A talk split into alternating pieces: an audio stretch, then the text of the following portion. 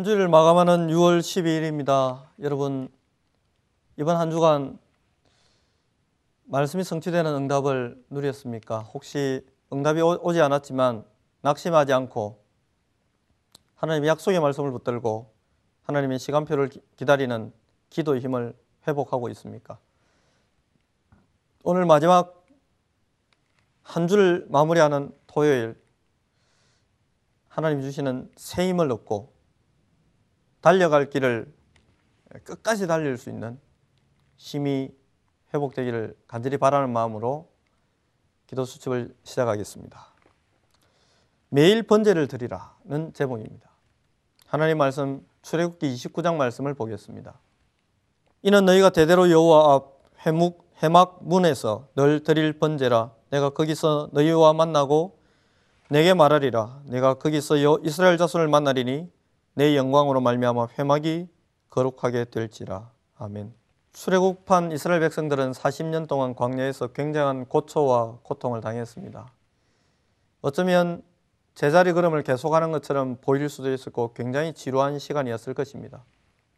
그러나 언약을 가진 자, 가나안을 품은 자, 임마누엘을 누리고 있는 자에게는 그 40년 동안 최고의 응답이 있었음을 우리는 또 다른 눈으로 확인할 수 있습니다. 매일매일이 지겨운 사람, 지루한 사람과 매일매일이 환희와 기쁨과 감사와 기대와 감격이 있는 사람의 인생이 그렇게 달라집니다.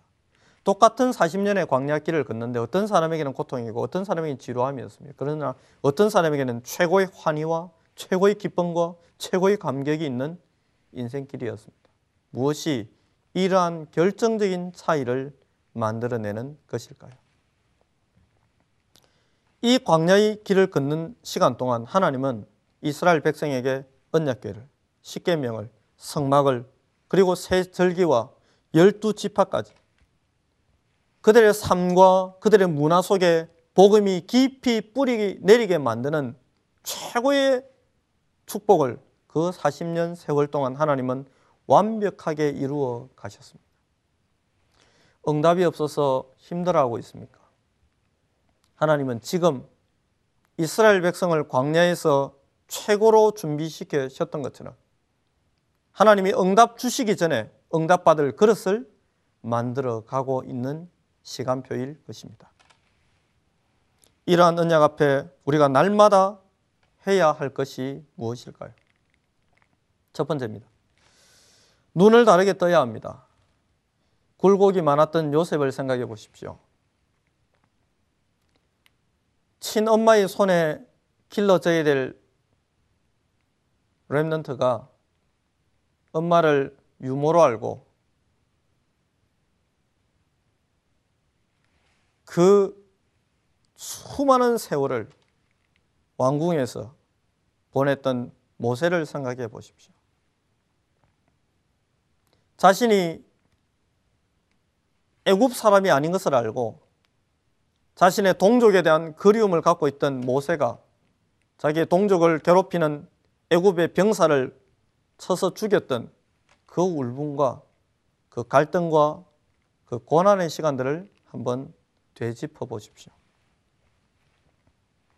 사람의 눈으로 보면 형들에게 팔리고 감옥에 갔던 요셉은 실패한 인생처럼 보일 수 있습니다.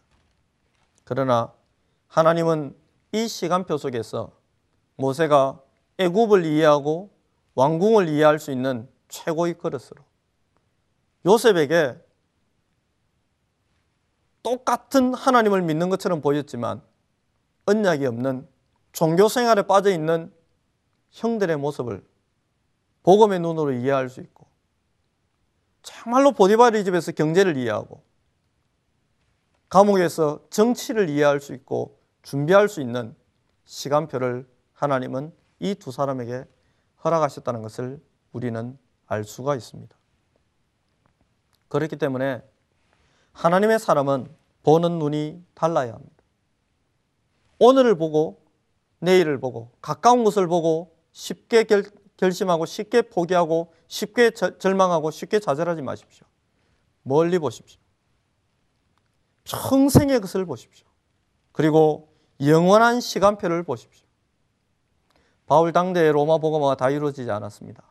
그러나 바울은 로마 복음화를 이룰 영원하신 하나님의 계획을 붙들고 그 시간표 속에 자신의 인생을 드리는 헌신을 했습니다.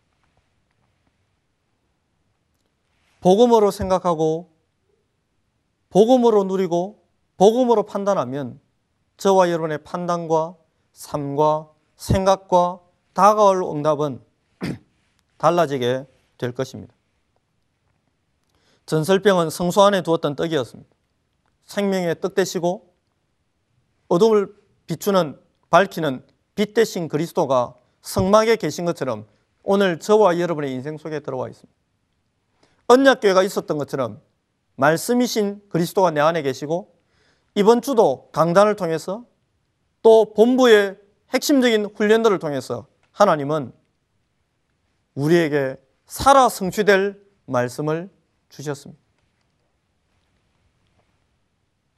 이 말씀을 붙들고 있는 우리는 날마다 예배를 회복해야 합니다.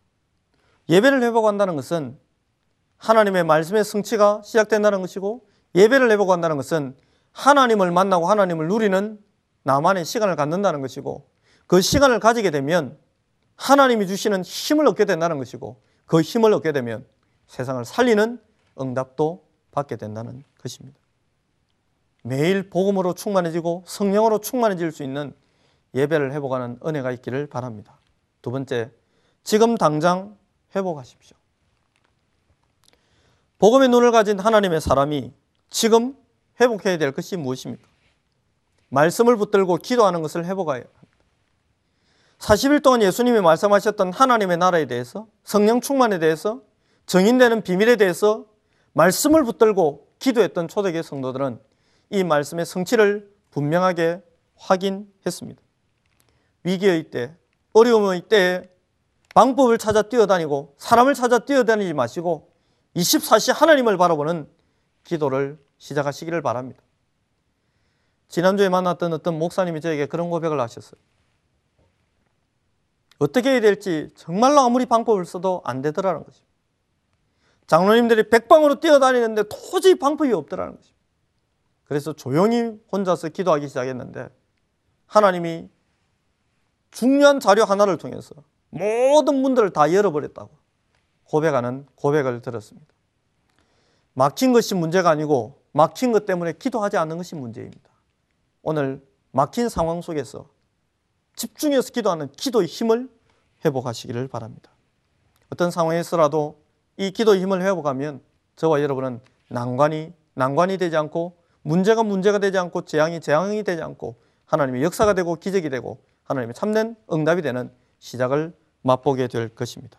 이것을 통해서 우리는 하나님이 나의 하나님 되심을 예수가 나의 그리스도 되심을 그 성령께서 지금 내 안에 내주하고 계시고 인도하고 계셨고 역사하시고 계심을 확인하게 될 것입니다.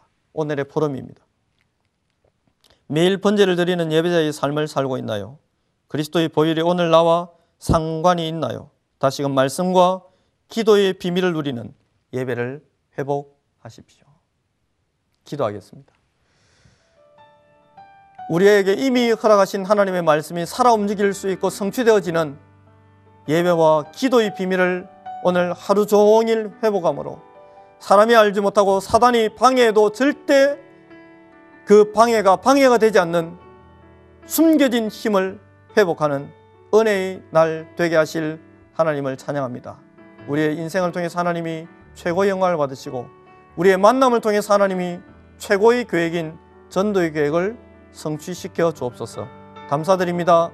살아계신 예수님의 이름으로 기도합니다. 아멘.